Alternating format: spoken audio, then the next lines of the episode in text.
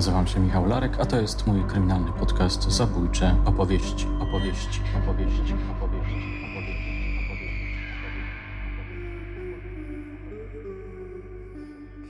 Na początku były mechanizmy kontroli, czyli ten mężczyzna próbował zobaczyć, czy to dziecko ma jakąś kontrolę z zewnątrz. Jak zobaczył, że już tego nie ma, no to już zaczęły być te treści coraz bardziej, coraz bardziej e, w kierunku seksualnym mm, transferowane i tam na początku było coś o dojrzewaniu, o wyglądzie i tak dalej, i tak dalej. I potem stopniowo, stopniowo, stopniowo coraz więcej e, było takich treści wprost.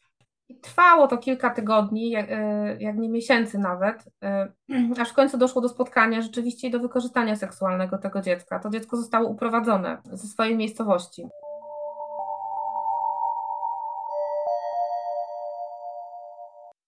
Dzień dobry, dobry wieczór. Witam w rozmowie, która jest pewnym eksperymentem. Zobaczymy, jak nam to pójdzie i co z tego wyniknie. Moim gościem jest Karolina Trojanowska, psycholożka, psychoterapeutka, seksuolożka, biegła, która opiniuje przestępców seksualnych. Mm, postanowiliśmy porozmawiać sobie o różnego rodzaju problemach związanych ze słynną aferą YouTube'ową, w ramach której okazało się, że pewni youtuberzy być może e, postępowali bardzo, bardzo niewłaściwie w stosunku do młodych dziewcząt. Pojawiły się tu ciekawe problemy, które warto omówić na moim kanale Zabójcze Opowieści i to też jest jakby dla Was sygnał, że ja rzeczywiście naprawdę idę w stronę szeroko rozumianej psychologii. Taki, taką moją patronką właśnie jest Karolina, którą witam bardzo serdecznie. Hej, dzień dobry. Jest troszkę stremowana, więc.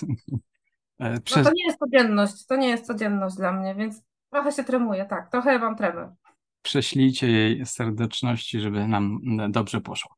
E, Karolino, e, jesteś po obejrzeniu materiałów, między innymi Wardęgi, Konopskiego, wiesz co nieco o tej sprawie, no masz taką samą wiedzę jak wszyscy ci, którzy obserwują sobie e, z, z, z drugiej strony naszych monitorów czy mhm. ekranów. Jak ty w ogóle to widzisz? A generalnie chyba problem jest taki, że y, ci youtuberzy pisali z dziewczynkami, które są poniżej wieku 15, 15 roku, były to rozmowy o charakterze erotycznym, było namawianie do przesyłania takich fotek i tak dalej, i tak dalej. Nie będę wchodził w szczegóły, bo właściwie one chyba są publicznie znane.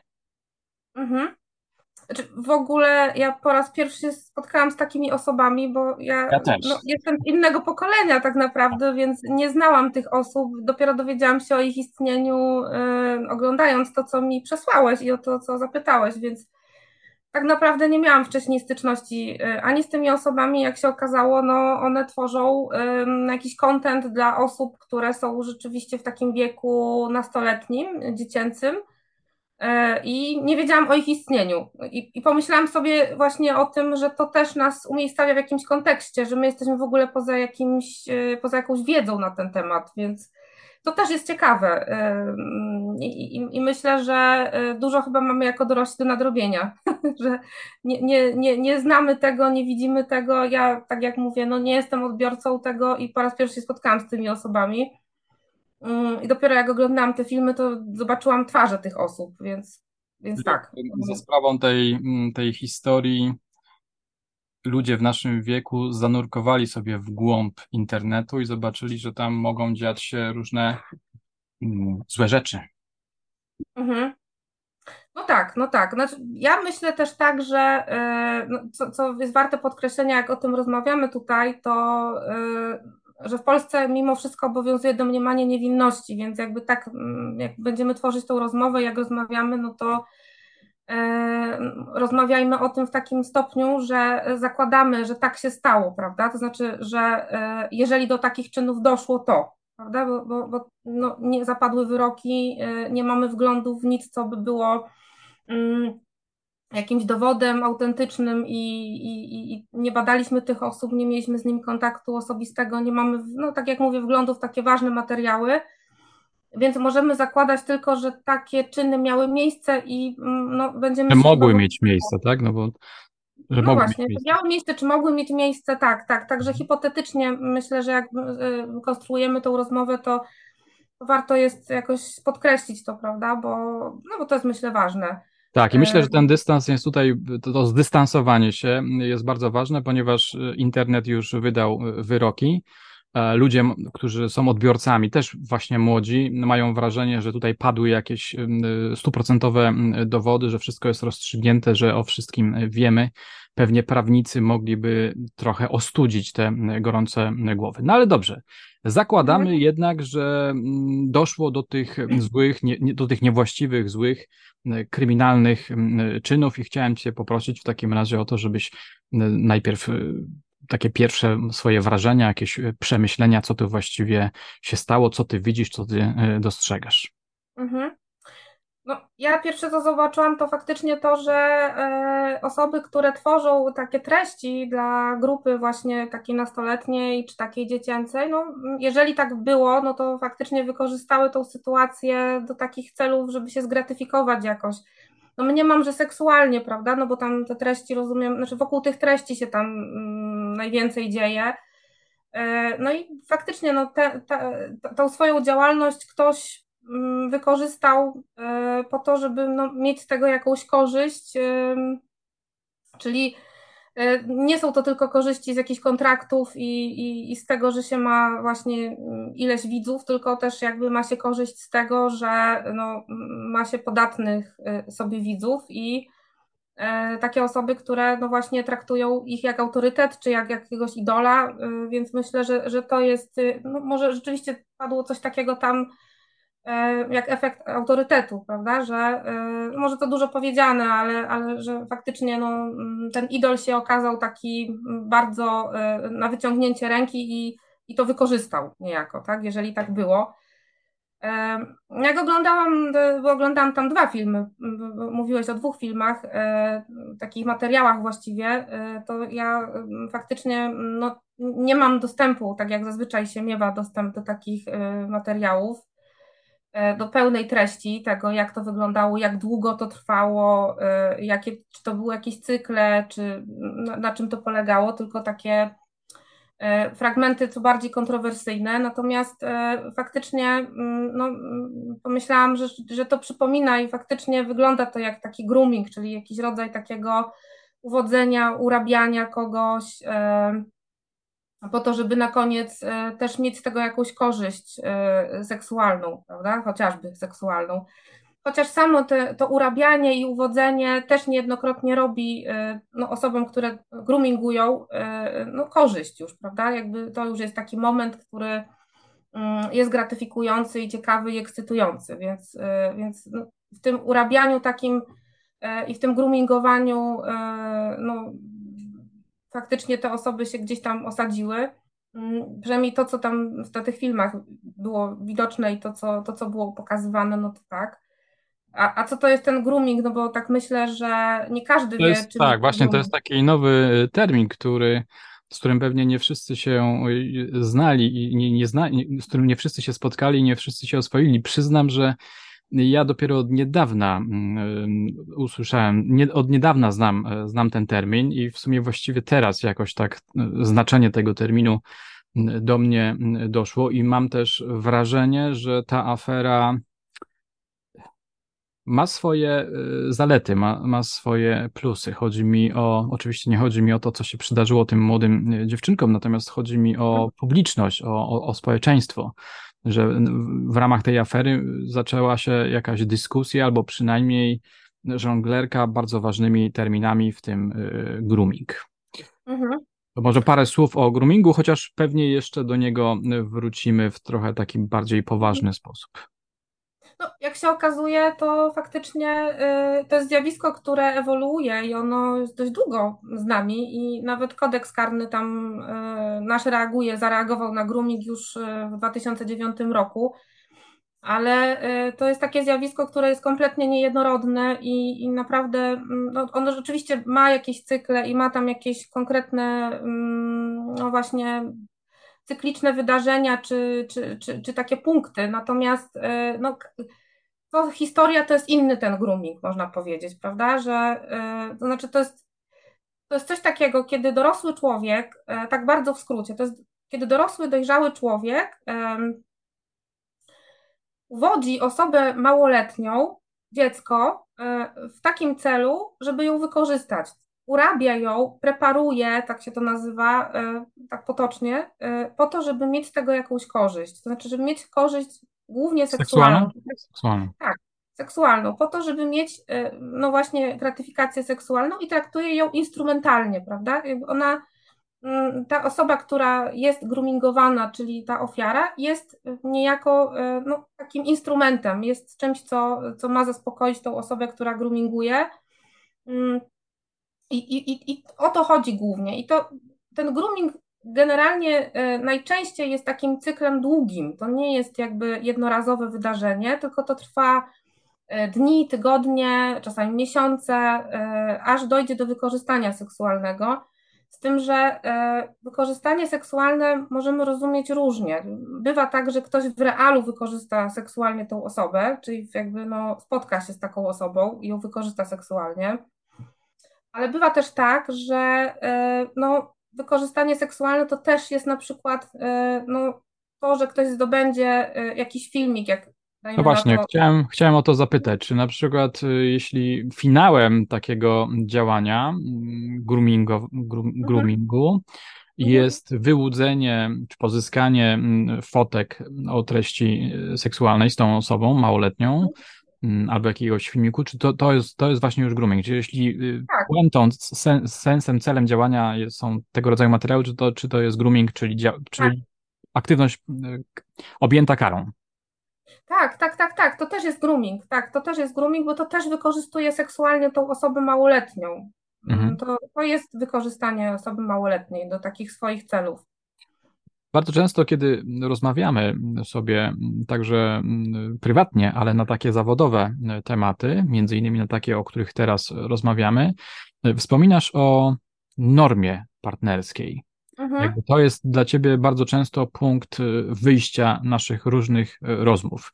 Chciałem zatem zapytać, jakie tutaj normy partnerskie, seksualne normy partnerskie zostały złamane. I co to właściwie jest e, ta norma partnerska, bo chyba to też jest taki dość egzotyczny, póki co jeszcze e, termin.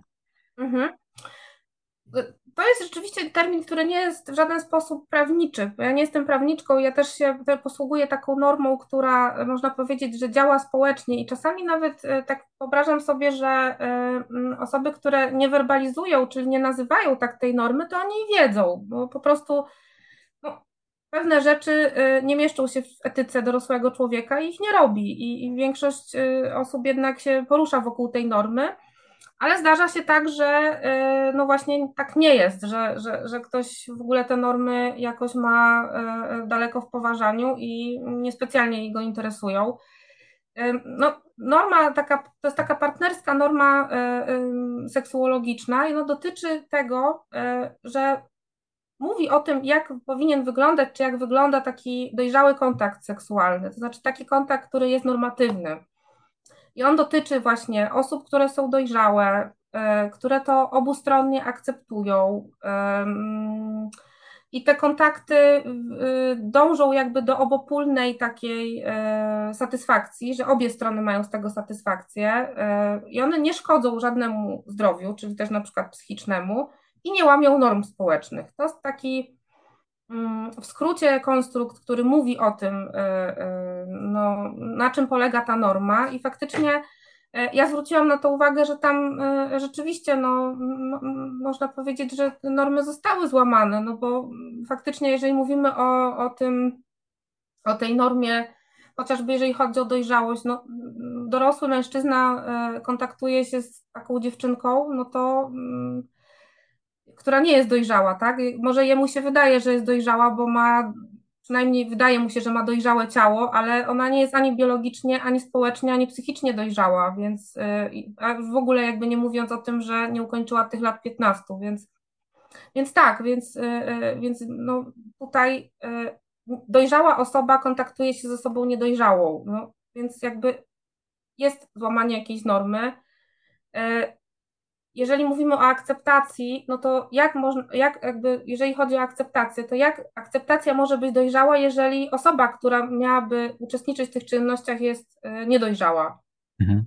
jakby, już nie mówiąc o tym, że tam były takie zjawiska, no też rozumiem takiego sextingu, gdzie no to też możemy powiedzieć, czym jest ten sexting za chwilę, ale gdzie faktycznie w tych treściach, które tam padały, no pan E, który jest dorosły, mówi dziewczynce e, o swoim śnie erotycznym na jej temat, on pisze jej o tym, tak? Albo e, nie pytając o zgodę, już jakby pomijam to, że to jest w ogóle jakby nie na miejscu wysyłanie no, małoletniej takich zdjęć, ale w jakimś jednym z filmów było chyba, że pan wysłał swoje zdjęcie z kąpieli też jakiemuś dziecku, tak? Znaczy no, poniżej lat 15 dziewczynce i ona nawet nie zdążyła powiedzieć, że ona tego nie chce, tylko już otrzymała to na telefon, więc yy, no, myślę, że, że jaka akceptacja? No, nikt tego nie akceptował specjalnie, nikt nie mówił, że, że tego chce, to po pierwsze, a po drugie w ogóle jakie chce, jak to są osoby, które są niedojrzałe i wracam do punktu pierwszego. Mhm. Yy, także, także yy, Także to to. Myślę też o tym obustronnym uzyskiwaniu satysfakcji. No, ja mam poczucie, że tam jedna strona głównie ma satysfakcję z tego, y, no bo traktuje to instrumentalnie, traktuje ten kontakt instrumentalnie i y, uzyskuje z tego satysfakcję, więc no, druga strona jest niedojrzała i jest po prostu nadużyta, no cóż tu dużo mówić, no, no to tak jest.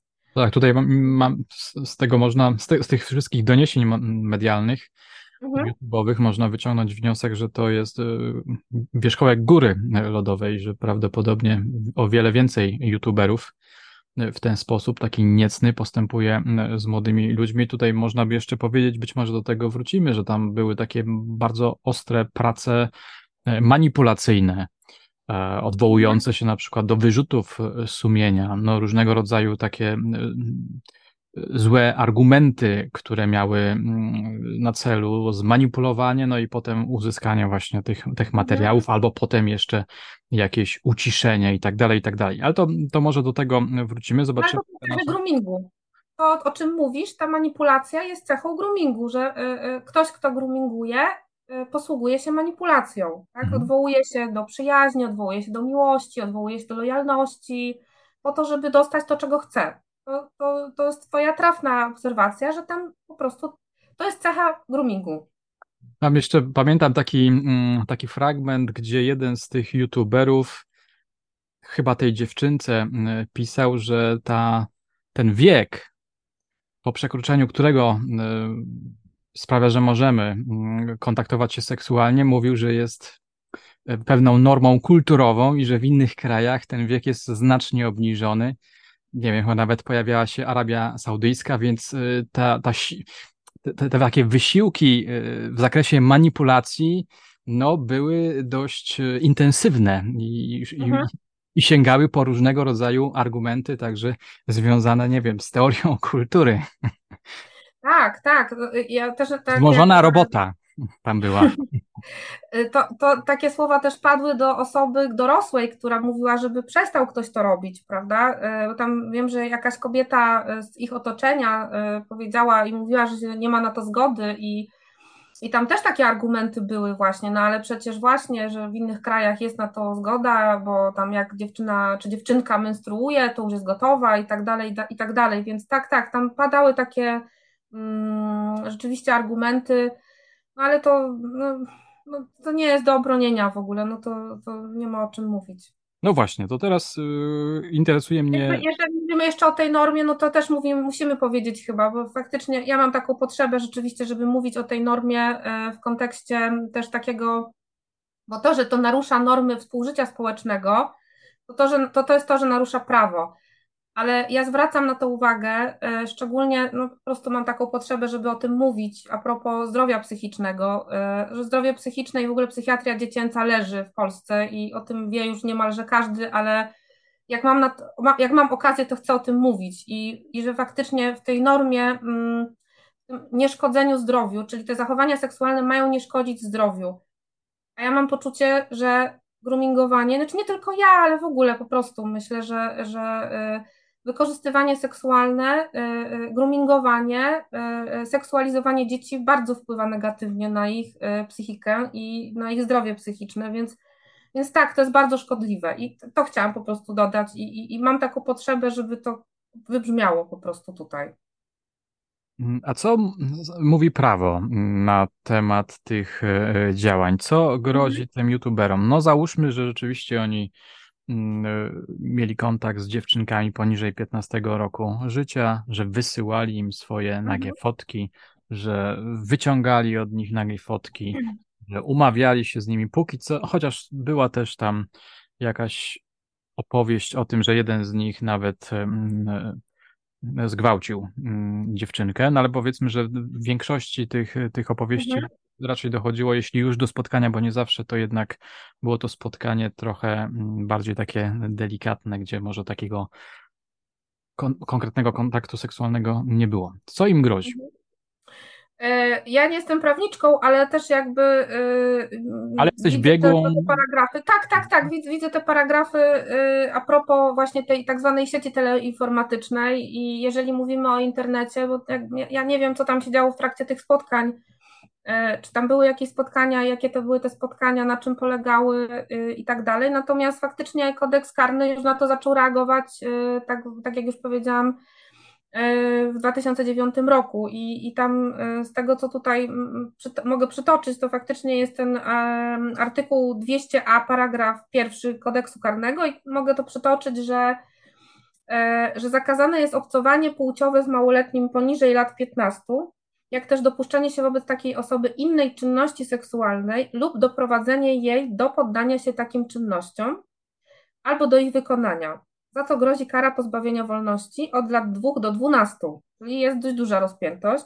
I mamy jeszcze tutaj paragraf 200a, e, przepraszam, artykuł 200a, paragraf 2 kodeksu karnego, że kto za pośrednictwem systemu teleinformatycznego lub sieci telekomunikacyjnej małoletniemu poniżej lat 15 składa propozycję obcowania płciowego, poddania się lub wykonania innej czynności seksualnej lub udziału w produkowaniu lub utrwalaniu treści pornograficznych i zmierza do jej realizacji, podlega grzywnie, karze ograniczenia wolności albo pozbawienia wolności do lat dwóch. Czyli no, za to są konkretne kary. Mhm. To nie jest e, jakieś tam wykroczenie, tylko to są kary, no po prostu. No, jestem bardzo ciekawy, co się stanie, mm, e, jeśli już dojdzie do, mm, do, do, do zamknięcia postępowania, a potem jak zaczną się procesy, jeśli w ogóle zaczną się e, procesy. Jestem też bardzo ciekawy, czy to, co ci youtuberzy e, występujący przeciwko tym domniemanym przestępcom znaleźli, dostarczyli, skonstruowali, co się stanie z tymi materiałami e, w sądzie, co prawo jakby powie o rzetelności czy o mhm. sile rażenia tych, tych, tych, tych materiałów. Mhm. No, nie wiadomo, czasami faktycznie powoływany jest biegły informatyk, raczej w takich sytuacjach ważne jest ocenienie, czy to należy do kogoś rzeczywiście, czy to, czy to faktycznie z, e, e, od tej osoby konkretnie te materiały czy te e, wiadomości padały. No, myślę, że to jest bardzo ważne. Informatycy w takich sprawach właśnie, których ja też opiniuję, mają ogromną w ogóle rolę, bo oni jakby tworzą te kopie i oni też niejednokrotnie jako pierwsi widzą te materiały, które ktoś ma w komputerze. E, odzyskują też materiały, które są kasowane, e, więc oni mają ogromną mm, jakby taką siłę w tym mm, sprawczości. Ja mam bardzo duży taki podziw, jak czytam te opinie. Niejednokrotnie opinia informatyczna no, stanowi taki trzon, e, mhm. bo to stanowi też o pewnej autentyczności. Mhm. To, pewnie... nie są jakieś tam screeny, które są wydrukiem, Mm, ktoś przychodzi do prokuratury i przynosi wydruk, prawda? I, i to, no dobra, mogę sobie to spreparować jakkolwiek e, w Photoshopie czy w jakimś programie, a tutaj jakby jest czarne na białym. Biegły informatyk ocenia, mówi, że to i to i to i to było na komputerze e, od, od takiego i od takiego czasu. Mm, e, no i nie ma uprość, tak? Jakby to jest rzeczywistość. Takie i takie materiały zostały skasowane, odzyskałem to, to, to i to. I no tutaj jest już e, szachmat, można powiedzieć. Mhm. Może jeszcze do tego e, wrócimy.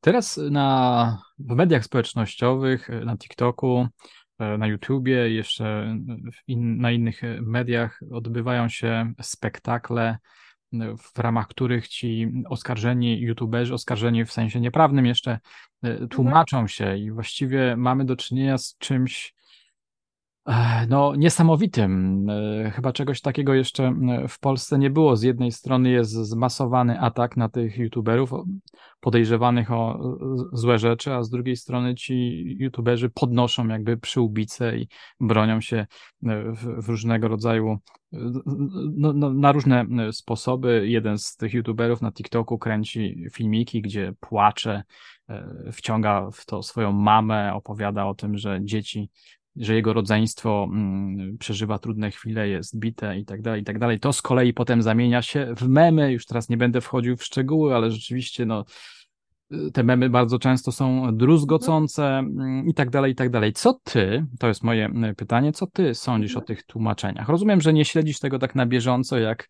y, jak młodzież, mhm. która tym żyje 24 godziny na dobę, no ale coś do ciebie y, dochodzi. No i też mhm. opiniujesz y, na co dzień y, przestępców, który, którzy się tłumaczą na rozmaite mhm. sposoby i też i dlatego interesuje mnie Twoja perspektywa. Czy widzisz jakieś schematy, podobieństwa? Mhm. No, tak, no, tak jak już powiedziałam, y, ponieważ no właśnie obowiązuje nas domniemanie niewinności, no to też mamy takie prawo do tego, żeby konstruować sobie linię obrony i, i, i to, to jest myślę, że jedno, prawda, że, że każdy sobie tam mm, konstruuje jakąś linię obrony, tak wobec prawa, ale też i może wobec społeczności. Natomiast. Mnie się wydaje, jak... że tutaj ci youtuberzy przede wszystkim teraz E, walczą o swoje dobre imię w oczach e, publiczności, że te ich komunikaty są do nas, do, znaczy może do nas nie, ale do, tych, do, do młodzieży, do ludzi, którzy mhm. odpowiadają za ich karierę, do firm, które zrywają z nimi kontakty. Więc to raczej tak. jest według mnie póki co walka o wizerunek. Dobre mhm. imię. Tak, tak, tak. Myślę, że myślę, że tam jest kilka pieczeni nawet na jednym ogniu. Może tak być, że jest kilka pieczeni na jednym ogniu i, i, i wydaje się, że trudno jest to odróżnić od siebie, co, czemu ma służyć, ale mm, tak jak rozmawiamy często o tym y, ja, prawda? O tym konstrukcie ja, że y, my jesteśmy dla takiego ja bardzo wiele zrobić w stanie, jesteśmy w stanie bardzo wiele zrobić dla ja, y, dla takiego ochronienia swojego wizerunku i tak jak już zawsze mm, powtarzam, że ten tekst Williama Jamesa o tym, że ja jest najbardziej takim um, najmocniejszym naszym motywem, motorem do działania, no to, to, rzeczywiście no każdy chce zachować dobre imię przed sobą samym nawet, już nie mówiąc o społeczności, nie mówiąc już o, o, o najbliższych też, ale też o osobach, które nam płacą, czyli nam dają chleb, czyli że, że, że gdzieś jakby mówimy o tych osobach, które mają kontrakty na przykład, tak, i, i one o to dbają, rozumiem. No, to są osoby, które zarabiały bardzo duże pieniądze na, na kontraktach, na reklamach, na jakichś produktach e, i w tym momencie e, rzeczywiście e, no, taka kura znosząca złote jajka może rzeczywiście zostać zjedzona, tak? I, Urżnięta. I, tak, tak, tak, w taki brutalny sposób. I co wtedy, prawda? Więc myślę, że, mm, że, że to też służy temu, I no, trudno się z jednej strony dziwić, no bo, no bo tak jak już powiedziałam, każdy ma jakieś ja i yy, próbuje to jakoś zatrzymać, zahamować, yy, żeby jak najmniej się yy, wylało jakiejś takiej treści, która ma kogoś dyskwalifikować z tego życia społecznego, pracowego. No to jest ich praca, tak? To jest ich praca, hmm. to jest ich chleb. Bardzo ciekawy wątek polega na tym, że oni próbu próbowali mm, jakby uniemożliwić ujawnienie y, tych wszystkich materiałów, y, tych, tych zajść. Mhm. Gdybyś zechciała powiedzieć parę słów właśnie o tym, jak oni to robili, mhm. jak, jak, jakich sposobów y, używali. Jak ty to w mhm. ogóle e, oceniasz, jak ty sobie to analizujesz? Niektóre z dziewcząt już były mm, w takiej sytuacji, że chciały e, to ujawnić, chciały o tym donieść. No i teraz tutaj mam, a, a z kolei ci walczący o swoje ja, o swoje dobre imię, e, próbują mm, temu zapobiec, więc zaczyna się taka znowu mm, manipulacja, retoryka, która ma, tem, mhm. ma, to, ma temu przeciwstawić się. Mhm. Mhm, mhm, mhm. Cóż, no w rozmowie ze mną wspominałaś o różnego, na, na przykład różnego rodzaju racjonalizacjach. Tak, tak, tak. E, tam padały takie też, bo pamiętam, że tam taka osoba dorosła e, też zwracała na to uwagę i mówiła, że ona już nie może w tym uczestniczyć, że już nie chce tego. Zwracała na to uwagę, żeby ktoś przestał to robić. Co, coś było takiego, przynajmniej w tych takich e, screenach rozmów. Natomiast faktycznie tam padały takie racjonalizacje, że no właśnie, no, że a propos, to już o, o, tym rozmawialiśmy przed chwileczką i przytaczaliśmy to, że wiek zgody w różnych krajach jest różny, że E, dziewczyny się same proszą o to, bo wysyłają zdjęcia, że to taki wiek. Mm, tam padały takie chyba e, kwestie właśnie, mm, że lepiej jest, że oni to, mm, że to oni jakoś oswajają im niż inni obcy ludzie. Jakieś takie w ogóle przedziwne tłumaczenia były. Bardzo ciekawe zdanie, które zresztą ty skądś tam wyciągnęłaś. Musiałabyś wsadzić cały internet do, do więzienia. E, tak, tak, tak, tak, tak. Albo winą jest, e, nie wiem czy też widziałeś to, ale, ale winą jest um, obarczony w ogóle, obarczona cała popkultura. Tak. Że przecież w ogóle popkultura e, seksualizuje. No tak jakby ci ludzie nie byli w ogóle częścią popkultury. Mhm. Ale na przykład, no, ale to zdanie, musisz wsadzić cały internet do więzienia w takim razie, ono sugeruje, że co, że cały internet to jest oczywiście metafora jakaś tam przesadnia, mhm. ale że y, no, jakaś znaczna część, przynajmniej tego świata YouTube'owego, jest pod tym względem mm, no, niemoralna, nieetyczna, jest podejrzana.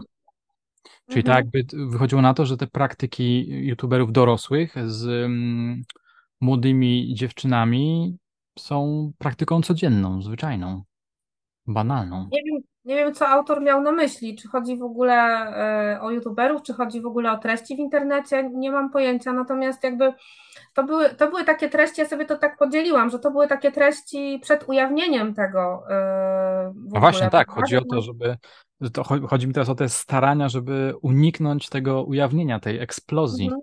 Tak, tam rzeczywiście tam ktoś zrobił ogromną gimnastykę y, i przytoczył tyle argumentów, y, y, które racjonalizowały takie zachowania, że naprawdę mm, no, nazbierało się tego. Natomiast później, no, jak już to zostało ujawnione, no to mamy to, co mamy, czyli jak ktoś posypuje głowę popiołem, ale tak na własnych warunkach. Czyli też czasami tam zaprasza, ktoś tam zaprosił poszkodowaną jedną dziewczynę, która też jest tak. członkinią tej społeczności. Mm, tutaj ktoś się od siebie odcina, to mówi, że mu nie zaglądał do telefonu, że on o tym nie wiedział, że to dla niego jest obrzydliwe. Także tam są też akrobacje. Jakby niezależnie od tego, co, co, czy to było przed ujawnieniem, czy już po ujawnieniu, no to tam rzeczywiście sporo ktoś dokonuje, w ogóle ci ludzie dokonują takich operacji myślowo-emocjonalno, nie wiem jakich jeszcze.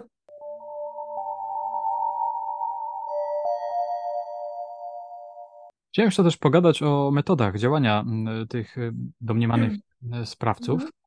A zanim, zanim oddam Ci głos, to y, chciałem powiedzieć, że mnie się coraz bardziej wydaje, że w sumie to nie jest dziwne że właśnie doszło do takich podejrzanych złych kontaktów. No bo tak, bo mamy e, jednak młodych ludzi, to są, to byli dwudziestolatkowie, czasami nawet mieli jeszcze 18 lat, powiedzmy, że tak 18, 23, mhm. 24 lata, e, bardzo sławni, popularni, którzy mogli się też podniecać tym, że podniecały się i nimi e, e, młode, młode osoby, dziewczyny, ale też pewnie chłopcy. Jeszcze nie było takich homoseksualnych mm, relacji, ale być może się e, pojawią. Kontent, który oni mieli, był adresowany do, do, do, do dzieci, tak 13. Plus. No i fakt, że w takiej sytuacji doszło do tego rodzaju kontaktów, to znaczy dorosłe dziecko, to w sumie jest nawet, bym powiedział, oczywiste. No bo oni przecież nie adresowali tej, tej, tej, tych swoich treści do dorosłych ludzi, do dorosłych kobiet. One nie były tym zainteresowane. Tutaj odbiorcą by, by, byli dzieci, więc jakby, że tak powiem, takie spieniężenie tego wydaje mi się już teraz oczywiste. I od razu chciałbym sobie dopowiedzieć, nie wiem, czy to nie jest zbyt generalny wniosek, że Tutaj może też okazja czyni złodzieja i że człowiek jest po prostu drapieżnikiem. Jeśli ma taką okazję, no to to, to wykorzystuje i, i, mhm. i urządza sobie polowanie. tak trochę prowokacyjnie mhm. to sformułuję. Ja nie wiem, jaką motywację mieli ci ludzie, bo to, to, to jest takie pytanie do tych ludzi bardziej, do tego, co oni mieli w głowie, e, robiąc takie rzeczy. No bo ja rozumiem, że no to byli młodzi, oni byli bardzo młodymi ludźmi, z tego co tam przynajmniej e, słychać. Ale nasze prawo no, nie interesuje się tym, tak? Jakby no, prawo jest prawem i yy, obowiązują nas takie, a nie inne zasady i koniec, jakby kropka, więc jakby no... Jasne, jasne, tylko my też te opowiadamy sobie o tej, o tej sprawie z punktu widzenia trochę innego też niż prawo, raczej mhm. bardziej mnie interesuje psychologia, seksuologia, yy, takie y, punkty mhm. widzenia, bo przy okazji można powiedzieć być może coś o naturze człowieka, która jest mroczna. No bez wątpienia, tak, tak. Myślę, że każdy ma jakiś, y, jakąś ciemną stronę księżyca, natomiast nie każdy ją ujawnia, prawda? Tak. Więc. Y, Mamy tutaj łatwy dostęp do ofiar, prawda? I to jest jakby bardzo ważne, to jest jakby taki trochę punkt mhm. wyjścia, taki trochę może tak, zapalny. Tak, tak, tak. Tak, no faktycznie, no, mm, ja zwróciłam też na to uwagę, że tam, jeżeli ten content jest właśnie kierowany do osób bardzo młodych, no to faktycznie no, e, to są odbiorcy główni. Mm, I, I, tak jak rozmawiamy o groomingu, no to mm, osoby, które e, e, skorzystały no właśnie z takiej ilości osób, które tam były fanami, tak, czy, czy tam wielbicielami, ci, ci, którzy groomingowali, czy tam nadużywali jakoś, jeżeli tak było, no to mm, rzeczywiście to trochę inny mm, sposób działania niż klasycznie e, e, działa ktoś, kto groominguje, bo zazwyczaj jest tak, że jak ktoś groominguje, no to musi się bardzo przygotowywać do tego. To są etapy, prawda, że tam ktoś sobie szuka grupy docelowej, mm, no, dajmy na to, że mm, mamy jakiś zespół albo jakichś fanów, chociażby wiem, mangi, czegokolwiek, jakby i, i ta osoba sobie poszukuje wśród tej grupy y, y, osób, jakiejś grupy też wiekowej, mm, no i też jakoś zbiera takie informacje, musi się trochę doedukować, y, dowiedzieć na ten temat, stworzyć jakąś swoją tożsamość w internecie, mm, zbudować jakąś w tej społeczności mm, no, coś na kształt osobowości. I potem, no właśnie, nawiązać jakiś kontakt przez komentarze i potem przejść z tą osobą już na tak zwany priv, prawda? I, i, I wtedy zaczyna się ten etap taki, mm, takiego już groomingu, który jest właściwy w cudzysłowie oczywiście, ale że tam są już, y, jak już jest, jest, jest sam na sam ta osoba y, z, z, tym dzieckiem, no to już tam są te etapy dalsze, więc jakby nie ma o czym mówić, ale tutaj te osoby nie musiały tego robić właściwie, bo one miały te, y, te osoby, które były w dostępie.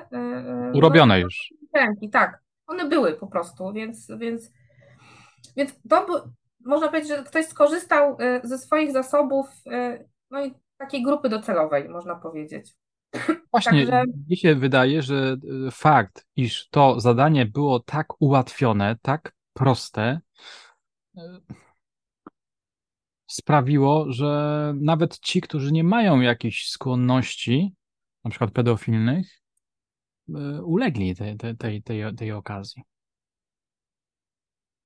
Trudno powiedzieć. Ja. Bo być może wyjdzie tak, bo być może jednak wyjdzie tak, że y, większość z nich ograniczała się do takich bardzo głupich y, kontaktów, ale tylko jednak SMS-owych na przykład, czy tam y, głosowych. Mhm. No ale to też jest nadużywające. No oczywiście, no tak, pewnie, pewnie. Mhm. To Tylko też chodzi... jest nadużywające. To jest też skorzystanie ze swojej pozycji y, i traktowanie kogoś w sposób, który jest instrumentalny. Mówmy się, że, że, że to jest też nie okej okay po prostu. Mhm. Także, także nie, no ja myślę, że też jak mamy totalną zmianę czasów, no jak my jesteśmy trochę innego pokolenia, więc może tego nie rozumiemy. Y, y, my się wychowaliśmy trochę innym takim świecie idoli i świecie jakiejś takich, e, takiej popkultury, która była, no my przez długi czas byliśmy tylko odbiorcami. E, co my sobie mogliśmy? Plakaty pooglądać, e, kupić gazetę, albo oglądnąć wideo, albo posłuchać koncertu. Czasami wysyłało się listy. Czasami się wysyłało listy, a jak się dostało odpowiedź, to już było wow, tak, wiadomo, że to nie była odpowiedź od tego idola, tylko że to był ktoś z jego teamu. Mogliśmy sobie fantazjować o kimś i tyle, nie? Nikt nam tam nie odpowiadał za bardzo, a tutaj e, internet nam daje taką, taką namiastkę kontaktu, to znaczy, że my przez internet jesteśmy w interakcji. Teraz y, y, ludzie, którzy są nastolatkami, mogą mieć kontakt ze swoim idolem. Idol może im dać lajka, idol może do nich puścić oczko, idol może do nich napisać i my tego nie rozumiemy. Podejrzewam, że, że, że nam jest to bardzo trudno zrozumieć. My, my mamy trochę inny y, sposób widzenia. No świat nam się strasznie zmienił i, i to jest bardzo widoczne. I takie zjawiska, które są no, przykre, prawda? No bo to jest bardzo przykre, nam to no, tak uwidaczniają bardzo. Obrazowo można powiedzieć, że y, bogowie jakby stąpili na ziemię. Tak. Trochę tak jak Zeus, grecki mhm. bóg, no i mogą sobie y, swawolić. No jest coś takiej omnipotencji chyba.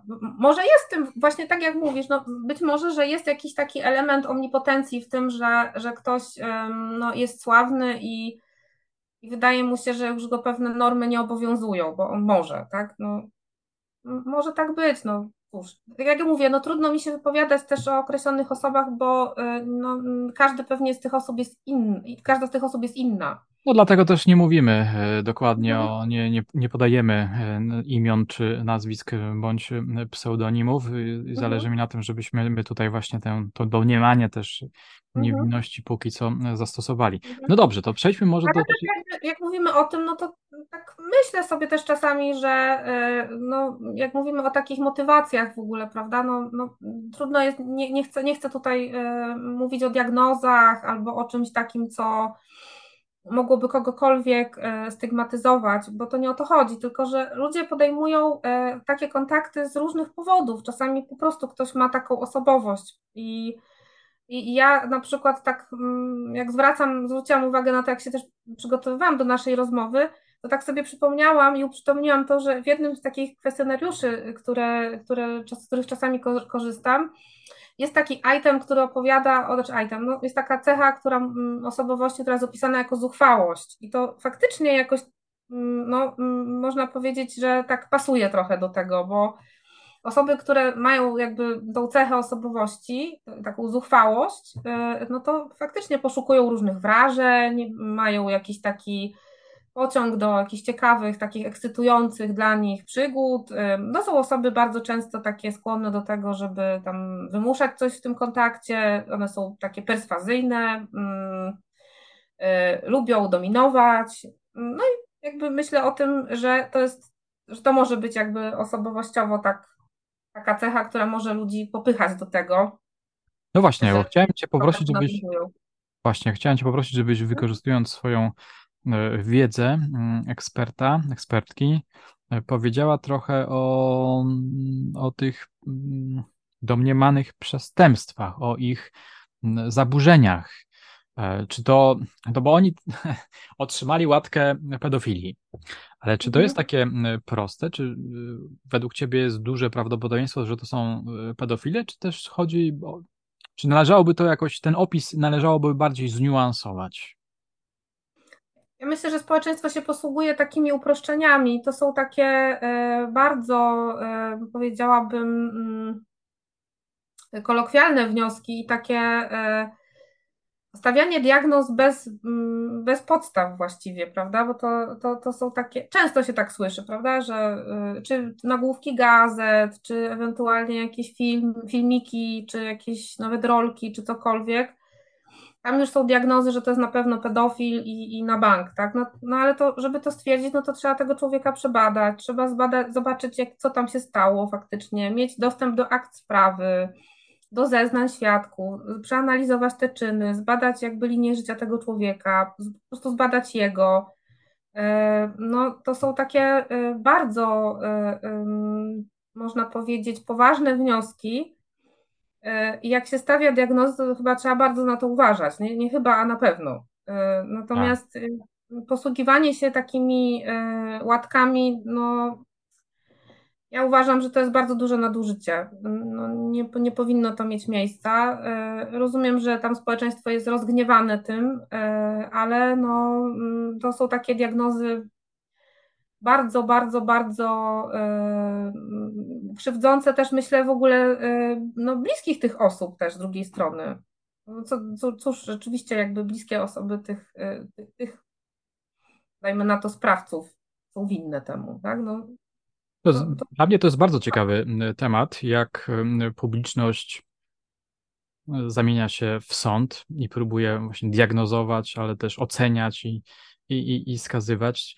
E, parę dni temu razem z moim kolegą robiliśmy tutaj odcinek o Edzie Gainie, czyli końcówka lat 50. No i kiedy ta sprawa Eda Gaina, czyli kogoś, kto zabijał kobiety, wykopywał zwłoki, sporządzał z nich różnego rodzaju e, gadżety. Kiedy ta sprawa wypłynęła, to wtedy całe Stany Zjednoczone zabawiły się w diagnostów psychologicznych, mhm. psychiatrycznych, seksuologicznych.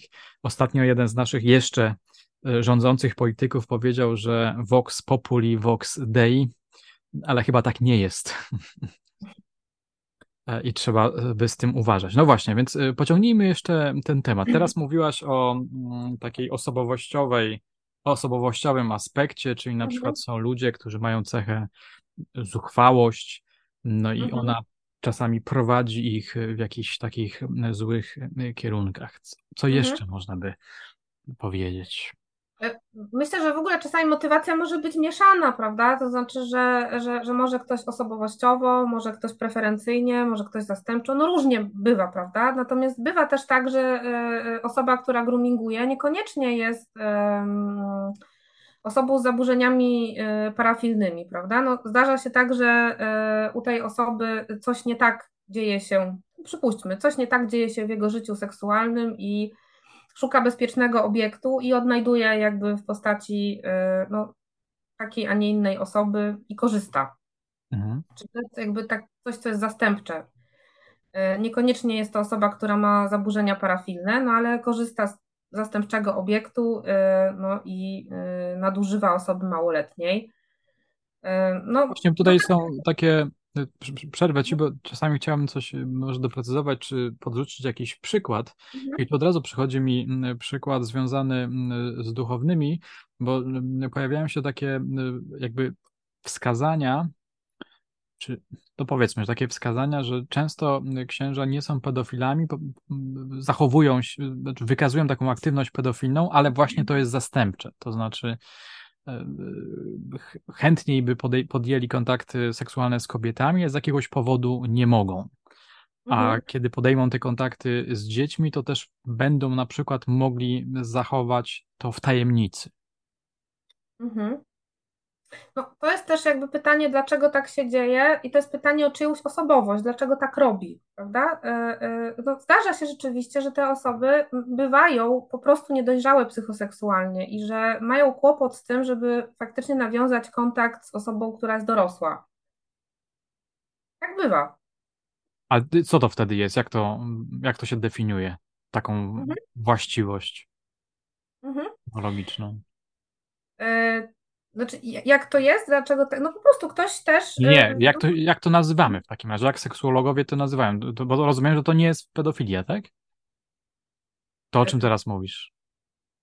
Że co, aha, że niedojrzałość psychoseksualna. No, nie, może ktoś być niedojrzały psychoseksualnie i też mieć zaburzenia parafilne, prawda? Natomiast jakby no, mm, Zdarza się tak przecież, że y, osoba, która jest niedojrzała psychoseksualnie, y, no, ma generalnie kłopot z nawiązaniem po prostu kontaktu z osobą dorosłą, ponieważ y, no, czuje jakiś duży wstyd, onieśmielenie, no różnego rodzaju tam są czynniki, prawda?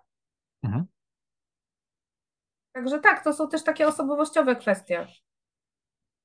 Ale wtedy to nie jest pedofilia, rozumiem żeby, żeby, żeby stwierdzić e, pedofilię, czy, czy w ogóle jakby tak zwane filie, czyli tam e, hebefilię, czy efebofilię, no to musi być e, szereg spełnionych kryteriów diagnostycznych, prawda? Takich, które przewiduje mm, tak zwany ten podręcznik diagnostyczny, który nas obowiązuje. To, to jest kryterium czasowe, między innymi to jest kryterium cierpienia i tak dalej, i tak dalej, kryterium naruszenia prawa, Więc tak, ja, ja to używam w bardzo dużym skrócie, bo tak naprawdę gdybyśmy zaczęli o tym mówić, no to y, ja mam poczucie, że żebym zaczęła mówić, to bym nie skończyła nigdy, więc, y, więc, więc trudno chyba mi jest to tak wytłumaczyć y, bardzo prosto. Dlatego nagram jeszcze parę odcinków, będziesz mogła mhm. swoją okay. wiedzę rozwinąć. A to może jeszcze dwa, trzy zdanka o tych dwóch terminach, które padły. Hebefilia mhm. i efebofilia. Mhm, mhm. No to to jest takie upodobanie seksualne wobec osób, które są bardzo młode, czyli jak mówimy o tej hebefilii, no to, e, bo tak, pedofilia dotyczy osób, które no nie mają oznak dojrzewania, prawda? To, e, to są osoby, które są dziećmi i one nie mają oznak dojrzewania. Jak mówimy e, o hebefilii, no to mówimy o takich upodobaniach w kierunku osób, które są na wczesnym etapie dojrzewania, mają oznaki pokwitania, no ale to jest jeszcze mimo wszystko taki etap dojrzewania, który jest wczesny. No a efebofilia dotyczy osób, które są już na takim końcowym, bądź właściwie, no, no tak, na końcowym takim etapie y, y, dojrzewania. To mhm. są też osoby bardzo młode. Ale mówimy tutaj w takim razie, te dwa terminy dotyczą ludzi, którzy jeszcze nie skończyli 15 lat? No, dojrzewanie to jest taki termin bardzo, bardzo płynny, tak naprawdę. Więc trudno jest określić. Czasami bywa tak, że osoba, która ma lat 15, e, no, inaczej dojrzewa niż osoba, która ma lat 12. No, po prostu bywa tak, że ktoś dojrzewa szybciej, ktoś dojrzewa wolniej. No, każdy nastolatek jest inny, więc trudno jest powiedzieć, e, kto ile ma lat. To nie jest matematyka. No tak. A jak ktoś ma na przykład 16 lat, a wygląda bardzo, bardzo młodo, wręcz infantylnie czy dziecięco, to rozumiem, że tutaj prawo jest y, sztywne i nie przeciwstawia się zakazom, tak? Znaczy nie przeciwstawia się takim kontaktom. No, prawo jest prawem, tak? Jakby tutaj musimy mm, trzymać się tego, że no, prawo jednak y, przyzwala na takie kontakty, więc. A co seksuolog na taką sytuację? Kiedy widzimy na przykład dwudziestoparoletniego mm, mężczyznę, który nawiązuje kontakty seksualne no, z szesnastolatką, która wygląda jak trzynastolatka. Co seksualną tato? Tak. Musiałabym jego zapytać, dlaczego tak jest, że wybiera partnerkę, która wygląda tak bardzo młodo. Ale czy dla ciebie to jest na przykład y, czerwona flaga, czy to jest coś niepokojącego? Ja się zastanawiam nad tym. Nie wiem, czy niepokojącego. No, znowu powiem, to zależy, tak? Jakby no, rozumiem, że, yy, że ludzie różnie wyglądają, ludzie mają różne upodobania. Yy, zastanawiam się nad tym, tak? Jakby yy, dlaczego tak się dzieje, że taka osoba nie poszukuje kogoś w wieku, który jest podobny dla niego. Mhm. I że, że to jest myślę, że dla mnie ważne, istotne. Ja też chcę się dowiedzieć. Nie, nie chcę stawiać takich diagnoz w oparciu o moje fantazje. A ty jako biegła seksuolożka często spotykasz się z tego rodzaju przypadkami? Mhm. Ale z, y, konkretnie z czym? No, z takimi przypadkami, gdzie dorosły mężczyzna nawiązuje kontakty z dziewczynkami poniżej 15 roku życia. Mhm. Aha, o to chodzi. Yy, tak, tak, tak. Ja myślę, że w ogóle te przestępstwa internetowe są bardzo częste teraz yy, i mam wrażenie, że ten grooming, no to właściwie się tak wylewa, można powiedzieć. Yy, więc z tego, z tego internetu i tak, tak, myślę, że tego jest bardzo dużo i tego nie jesteśmy w stanie doszacować w ogóle. Aha. To, to myślę, że jest tak duża, ciemna liczba tych przestępstw, że to, co do mnie trafia, to jest naprawdę niewiele. Mhm. Ale i tak jest tego dużo. Rozumiem. Mm, no jak, się okazuje, y, no, mamy takie zjawisko i co jest też takie warte do zobaczenia, że internet się rozwija, technologia się rozwija, ale takie mm, metody kontroli internetu się jednak tak szybko nie rozwijają, więc te zjawiska są i pędzą strasznie mm, szybko. Może na zakończenie dzisiejszej rozmowy przedstawiłabyś jakieś takie e, dwa case'y, a w następnym odcinku pójdziemy e, sobie dalej, na przykład też opowiemy jakieś case mhm. i jeszcze przejdziemy do e, perspektywy ofiar. Mhm. Okay. Do wniosków, które dzisiaj może mhm. nie padną, one są ważne, my sobie je tam wstępnie umówiliśmy, ale chyba trzeba by jeszcze jednak pociągnąć ten temat, nie, nie, nie warto go tak szybko kończyć. Mhm, mhm. Jeżeli mówimy o case'ach, okej, okay, no ja tak sobie pomyślałam, że, że warto jest o tych case'ach mówić też z racji tego, że pewnie różne osoby słuchają też Ciebie i, i są w takim wieku, że może mają dzieci w wieku nastoletnim też i no właśnie. warto, żeby zwróciły na to uwagę, z kim te dzieci ich rozmawiają, tym bardziej, że no, dzieci mają teraz już wszędzie internet, tak? Więc to, to, to, to i, w smartfonie, i w tablecie, i w komputerze, i, i, no, to już nie jest tak jak kiedyś, że się miało jeden komputer w salonie i że był taki, była możliwość kontroli. No, no nie.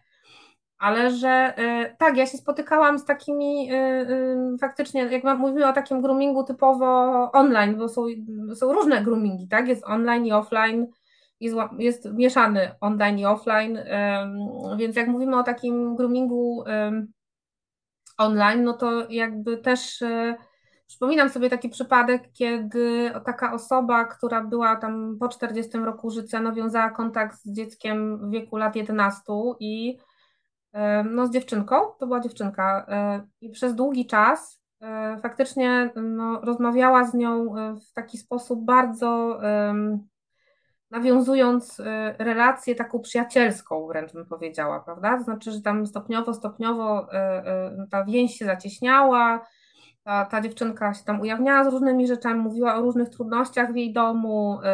Ten mężczyzna, on faktycznie powiedział, że jest starszy od niej, bo on powiedział, że ma chyba tam ponad 20 lat. Czyli nie powiedział, że jest w tym samym wieku co ona, tylko, mm, tylko powiedział, że ma jakieś 20 parę lat bodajże. E, no i ta znajomość trwała. To, to dziecko często bywało w domu. Mm. E, bywało samo w domu i rzeczywiście e, tam stopniowo, stopniowo te rozmowy przechodziły mm, coraz bardziej w taki, mm, no, w taki rodzaj przekształcania tej przyjaźni jednak w takie podteksty erotyczne, czyli że no, na początku tam były takie na początku były mechanizmy kontroli, czyli ten mężczyzna próbował zobaczyć, czy to dziecko ma jakąś kontrolę z zewnątrz. Jak zobaczył, że już tego nie ma, no to już zaczęły być te treści coraz bardziej, coraz bardziej e, w kierunku seksualnym mm, transferowane i tam na początku było coś o dojrzewaniu, o wyglądzie i tak dalej, i tak dalej. I potem stopniowo, stopniowo, stopniowo coraz więcej e, było takich treści wprost Trwało to kilka tygodni, jak, e, nie miesięcy nawet, e, aż w końcu doszło do spotkania rzeczywiście i do wykorzystania seksualnego tego dziecka. To dziecko zostało uprowadzone ze swojej miejscowości. No i faktycznie mm, no, sprawa się toczyła i, i, i, i no cóż, no, jest to taki przykładowy grooming, e, który skończył się bardzo tragicznie. A czy ten mężczyzna od samego początku miał taki cel, wykorzystać seksualnie ale w taki właśnie już bezpośredni sposób? Czy to na przykład jest tak, że po prostu nawiązuje się taki kontakt, mm, kieruje człowiekiem jakieś, no potrzeba tej gratyfikacji, jakieś podniecenie, ale, ale puenta jeszcze nie jest oczywista. Mhm. On twierdził, że on nie miał takich e, e, zamiarów, natomiast no, ciężko jakoś m, było to Wierzyć widzieć inaczej. Mhm. Tak, no ciężko było to widzieć inaczej. No to był dorosły mężczyzna, który równie dobrze mógł mieć kontakt z kimś, kto był albo w podobnym wieku, albo w wieku takim, no właśnie, gdzie ta zgoda była e, w cudzysłowie, no właśnie legalna, prawda? No, ja myślę, że to, e, no, to jest bardzo specyficzne zjawisko, ale no, tragiczne, jak się okazuje. No tak. A zdiagnozowałaś go jako pedofila? No tak, to jest osoba z zaburzeniami parafilnymi, tak. To jest osoba, która ma y, zaburzenia parafilne o charakterze pedofilii. To była osoba, która była bardzo, bardzo taka jeszcze y, no, niedojrzała, jeżeli chodzi o wygląd, jeżeli chodzi o zachowania. I, także, także tak, tam nie było nawet specjalnie no, jakichś takich oznak dojrzewania. A jakiś e, przykład groomingu offline, mhm. dziejącego się? Mhm.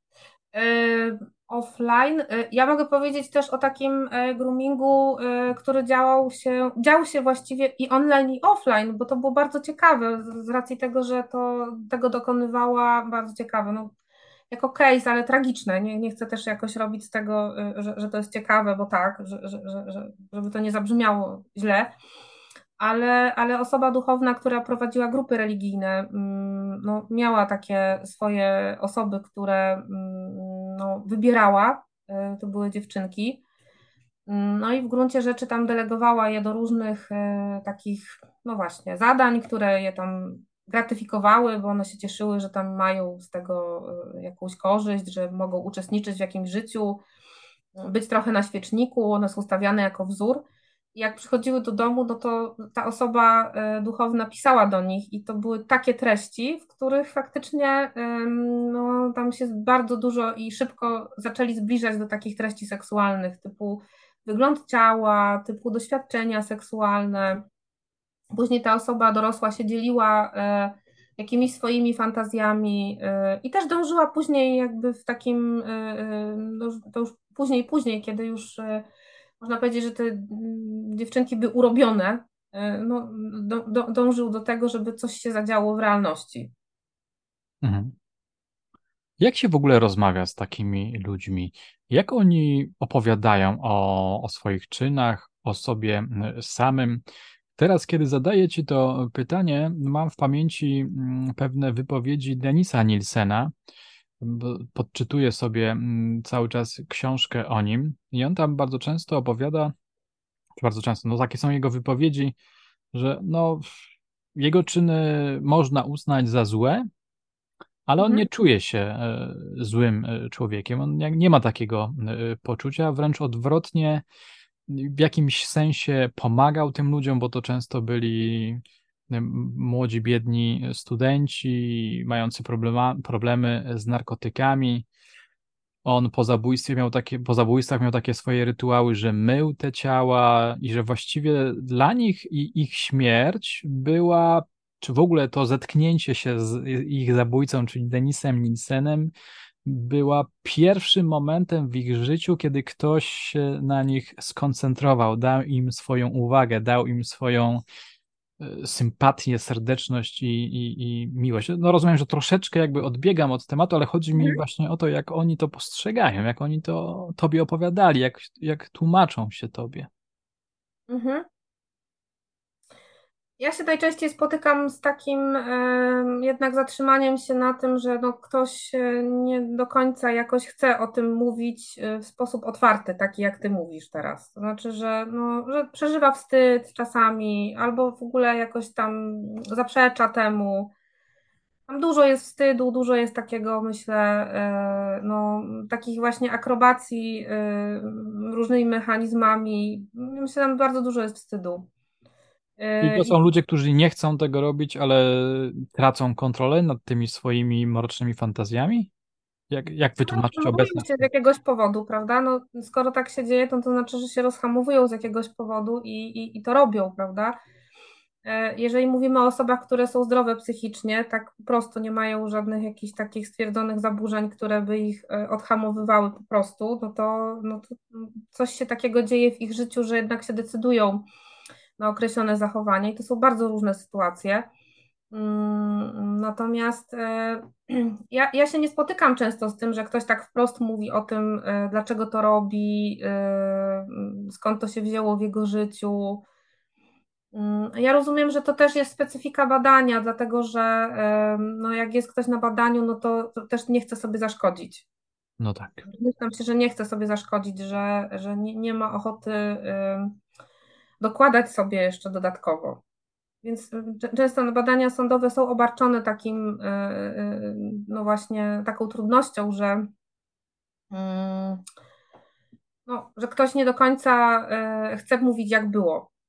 Co innego jest wtedy, kiedy już takie osoby są w terapii, prawda, i mają jakąś taką motywację no, wewnętrzną na przykład, żeby poznać, dlaczego się tak stało, no tak, to wtedy, y, y, dajmy na to, są skłonne do tego, żeby różne rzeczy przed sobą przyznać, czy przed innym człowiekiem i, i jest im łatwiej. Już są na przykład po wyroku, albo no, już się zadziało, już się stało, oni wiedzą, że już drugi raz nie zostaną za coś tam skazani.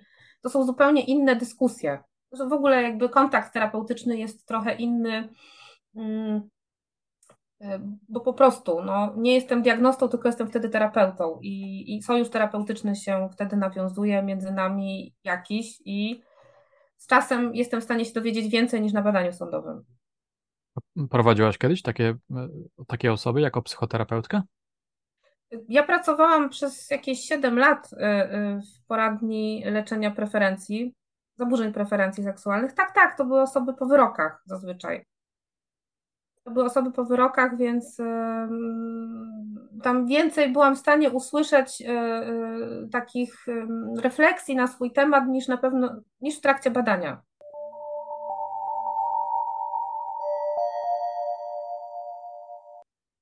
W takim razie w następnym odcinku zacznę od tego, że poci spróbuję Cię pociągnąć za język właśnie w tej e, sprawie, bo to mnie bardzo interesuje, jak wyglądają e, terapie z tego rodzaju osobnikami. No dobrze, jakaś godzinka chyba minęła, więc na dzisiaj e, skończymy. Bardzo Ci dziękuję, Karolino, za niezwykle inspirującą rozmowę.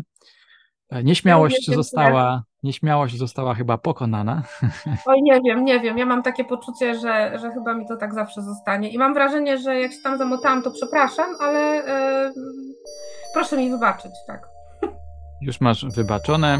W takim razie mamy jeszcze trochę tematów do obgadania. Bardzo się cieszę, że nie poprzestaniemy tylko na tej rozmowie. Dziękuję Ci i zapraszamy naszych słuchaczy, nasze słuchaczki do kolejnego odcinka. Dzięki.